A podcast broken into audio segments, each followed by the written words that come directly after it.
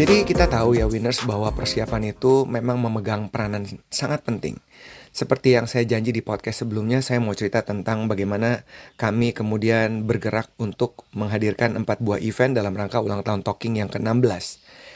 Jadi suatu saat di bulan September ketika kami lagi kumpul di kantor, saya bilang ke anak-anak nih saatnya nih kita udah harus mikirin ulang tahun Talking karena tahun lalu topiknya adalah Plastic Ocean dan event yang dibuat cuma satu kali di Galeri Indonesia Kaya. Kami memberikan donasi kepada gerakan diet kantong plastik pimpinan Tisa Mafira. Tapi event ini karena cuma satu hari, satu kali, gaungnya juga nggak gede-gede banget. Terus saya kepikiran ya karena memang kita udah tahu bumi kita makin panas, temperatur lah, color bleaching lah, kemudian iceberg yang melted lah, kemudian di Antartika sudah 18 derajat, kemudian penyakit makin banyak, interaksi manusia dengan hewan makin banyak, plastik di lautan makin banyak. Jadi tahun ini mau mempertajam agar menciptakan awareness yang besar. Am I fully awake? Itu adalah payung besarnya dan teman-teman bisa lihat di YouTube harusnya ini sudah ada ya di empat event ini. Nah jadi kembali ke ngobrol-ngobrol dengan tim kantor, terus saya bilang, yuk kita tajemin lagi yuk tentang meningkatkan kesadaran. Terus ada yang nanya, apa hubungannya mas kesadaran lingkungan dengan komunikasi? Saya bilang loh, kalau kita hidup gak nyaman di dunia ini, bagaimana kita bisa nyaman dalam membangun hubungan dan berkomunikasi dengan orang? Dan sudah saatnya dong, kalau kami peduli belum tentu yang lain peduli. Akhirnya kita bahas lah. Terus saya bilang saya nggak mau cuma satu event, saya mau ada empat event. Jadi lahirlah nih gagasan empat event. Event yang pertama press conference, ngundang media. Wah seneng banget ya banyak yang datang terus juga saya bekerja sama dengan RNR Public Relations seorang kawan yang memang sudah menjalankan pekerjaannya sebagai PR consultant dan juga menggerakkan banyak sekali event-event yang berhubungan dengan para media. Jadi 36 media datang, reviewnya di mana-mana dan kami juga melihat bahwa event ini tidak bisa dijalankan cuma talking doang. Melibatkan PR itu oke. Okay. Tapi bagaimana soal penetrasi ke market? Sosial media tentu memegang peranan sangat penting. Terus kepikiran, karena TikTok lagi booming walaupun mereka baru 3 tahun, eh kita kerja sama TikTok aja yuk. Kebetulan saya pernah jadi KOL-nya TikTok di tahun lalu, dan saya diminta untuk mengkampanyekan tentang Plastic Ocean. Saya hubungin salah satu representatif di TikTok dan mereka menyambut dengan baik. Akhirnya kita bikinlah kerjasama antara TikTok, Talking, kemudian juga PR agency tadi, Terus juga eventnya mau dibuat semuanya ini empat-empatnya online. Jadi saya meminta bantuan seorang teman juga yang ada di sebuah event management bernama Stamina. Karena kami juga berapa kali sering bekerja sama dengan mereka. Nah jadi event pertama, jadilah tuh ya empat kolaborasi. Oh ya satu lagi donasi kami berikan kepada Tisa Mafira dari gerakan diet kantong plastik. Jadi eventnya ada empat, yang pertama tadi press conference, yang kedua materi untuk webinar secara gratis yang daftar 500 orang. Saya dan Becky kita berbagi tentang understanding people, tapi topiknya dilarikan ke environment. Jadi keempat tipe kepribadian yang udah sering saya bahas di podcast saya, tapi dilarikan bagaimana keempat tipe kepribadian ini melihat lingkungan si kuat bagaimana, si gesit bagaimana, si rinci bagaimana, si damai bagaimana dan kami mencari tokoh-tokoh internasional yang memang menjadi figur dari wakil-wakil orang-orang yang sangat peduli terhadap lingkungan. Leonardo DiCaprio, Drew, De Drew Barrymore, terus ada dua lagi aktor dan aktris yang juga sibuk dalam kampanye. Nah setelah dilihat-lihat ya, waktu orang-orang mendaftar 500, saya udah seneng, seneng banget karena belum pernah ada webinar kami yang pesertanya 500.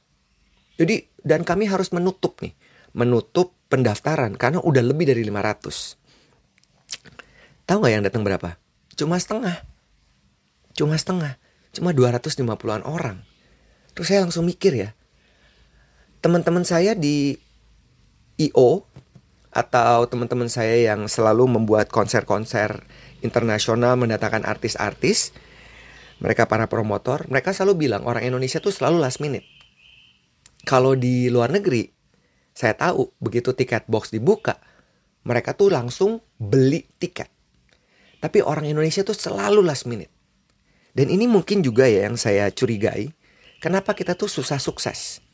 Kita tuh selalu ter terbelakang terus walaupun kita powerful di negara ASEAN, tapi di negara lain kita tidak sanggup. Sedangkan dulu, 30 tahun yang lalu, kita tuh selalu menjadi acuan negara-negara lain karena perkembangan kita yang bagus dan kita stagnan. Karena memang mutu pendidikan, terus kita juga tidak diajarkan ya, seperti di luar negeri, bahwa setiap orang itu harus mempunyai kemampuan untuk terus bertumbuh atau mengacu kepada teori Abraham Maslow tentang self-actualization dari piramida hierarchy of needs. Kalau di Indonesia cuma ada kebutuhan sandang, pangan, dan papan. Itu didengung-dengungkan dari dulu. Tapi tidak pernah didengungkan tentang self-actualization. Makanya nggak heran ya, orang barat sana maju banget pikirannya, kita berhenti cuma sampai kebutuhan dasar, sandang, pangan, dan papan Abis udah punya kebutuhan papan udah beres, bagaimana pengembangan kemampuan diri kita? Nah, makanya mutu pendidikan, tingkat literasi, ditambah parahnya sosial media, membuat mindset kita tuh nggak bertumbuh, stagnan. Jadi kembali kepada yang daftar 500, bahkan sampai harus ditutup, yang hadir di virtual, di event yang kedua, cuma 250 orang. Ya, gitu deh. Ya inilah ya yang menjadi tantangan kita nih. Teman-teman winners yang dengerin podcast saya. Kenapa coba saya tuh bela-belain banget untuk berbagi kepada Anda. Dari bulan September tahun lalu. Setiap saat saya selalu meluangkan waktu untuk sharing. Karena saya tahu nih, kalau saya ngajar di kelas, ada modul-modul dan modul-modul itu terbatas. Saya nggak bisa masuk ke dalam kemampuan untuk berbagi hal-hal di luar dari modul-modul yang memang harus menjadi pekerjaan saya di dalam kelas. Sedangkan di luar itu banyak banget ya yang saya amati, saya analisa terhadap behavior, terhadap attitude, terhadap kemampuan komunikasi. Dan makanya podcast ini tuh saya bela-belain untuk berbagi kepada teman-teman sekalian. Saya ingin sekali nih memberikan dampak yang positif karena saya tahu orang-orang yang dengerin podcast adalah orang-orang yang mau berkembang mendapatkan informasi-informasi bukan cuma sekedar tontonan semata yang mungkin Anda bisa dapetin dari berbagai macam kanal-kanal di sosial media. Kalau orang yang men mendengarkan podcast pasti mencari bobot dan saya tahu betul. Jadi kita lihat deh ya kebiasaan kebanyakan orang-orang menunda, terus apatis, males, nggak konsisten.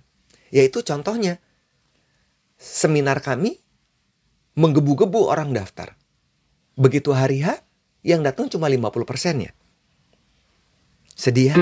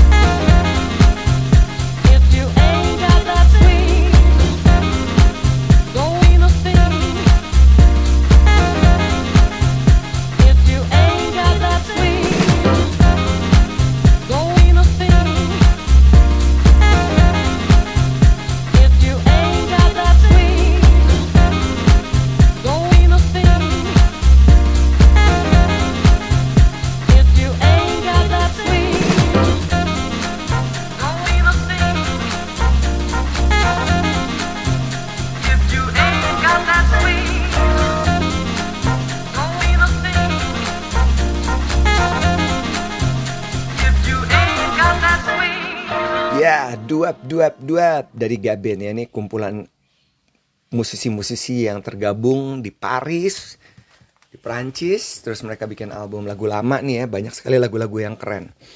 Oke, kita kembali ke dua event selanjutnya yang ingin saya bagikan. Jadi kesimpulannya kan, ya udahlah ya. Kalau kita udah tahu kebanyakan orang kayak gitu, ya kita bisa milih. Mau kayak gimana modelnya. Kita mau termasuk orang yang committed, terus haus terus, belajar terus. Dan sebentar lagi kita akan menyambut tahun 2021 loh.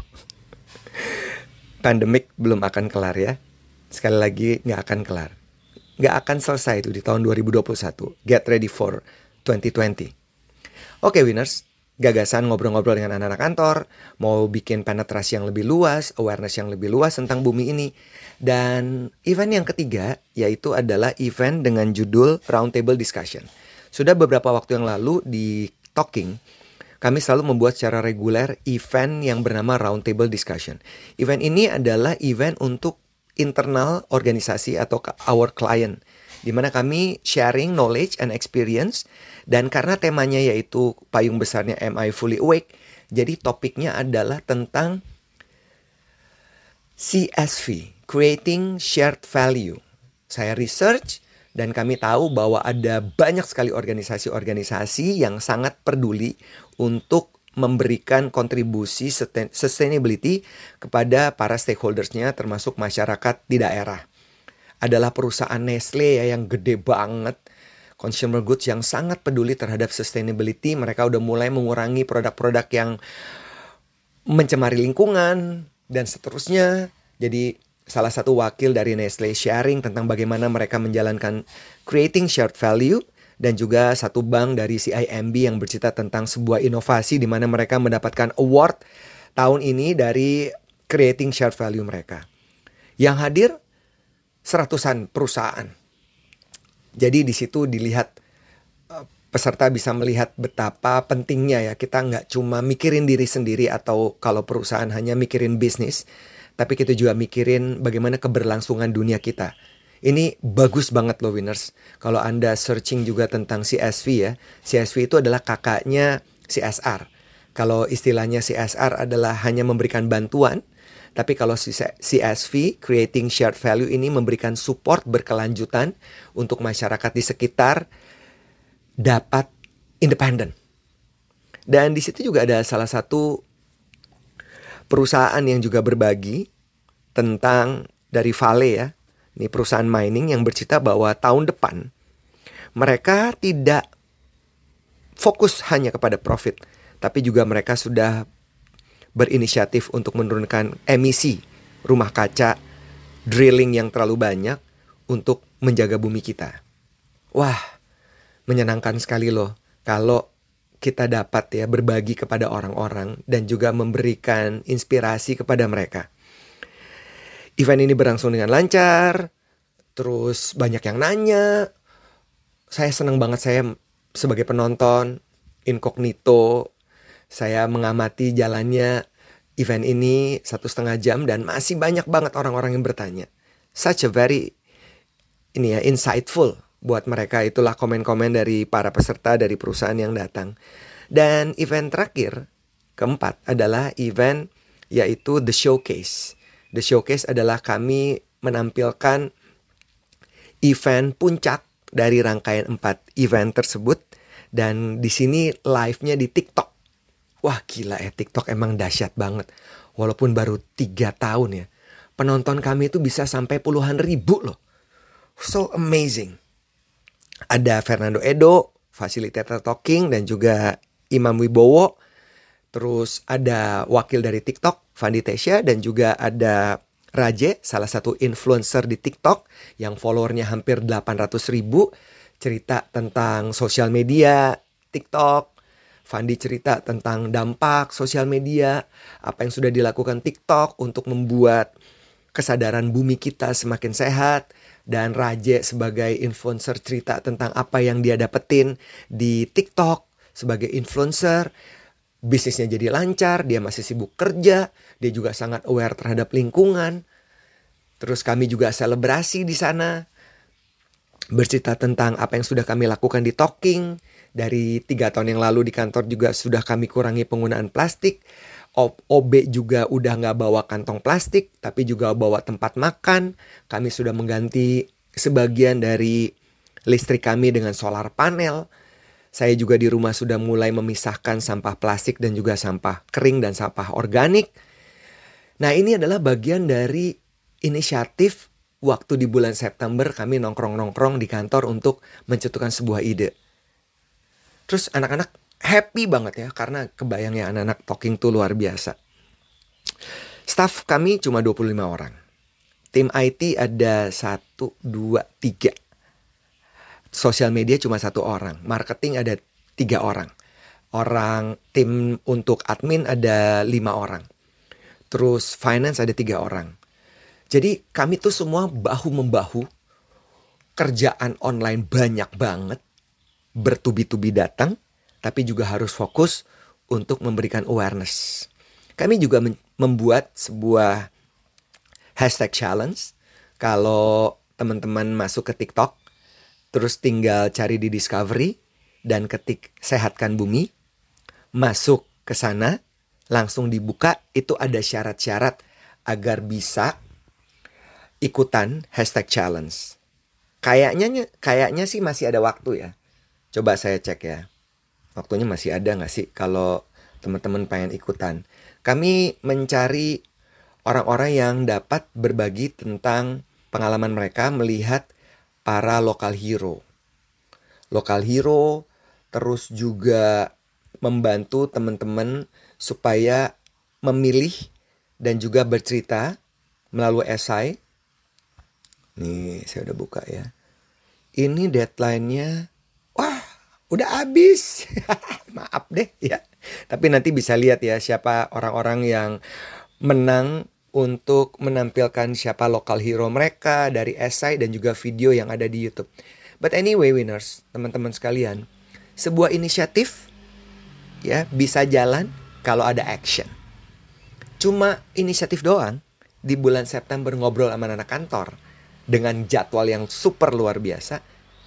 Time management is the key niat nggak cukup, perlu action, tapi juga perlu time management. Jadi apa pun yang teman-teman akan lakukan menyambut tahun 2021 yang masih tidak menentu, cerita saya kali ini di podcast.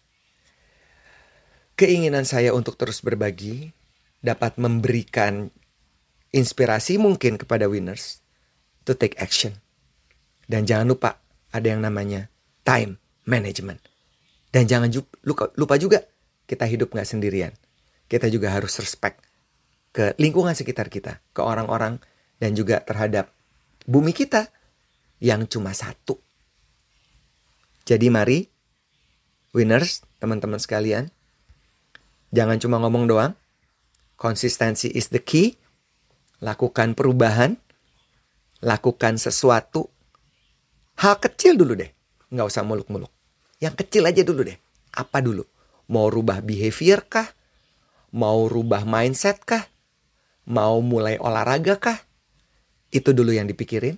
Dan juga jangan lupa merawat bumi kita. Am I fully awake?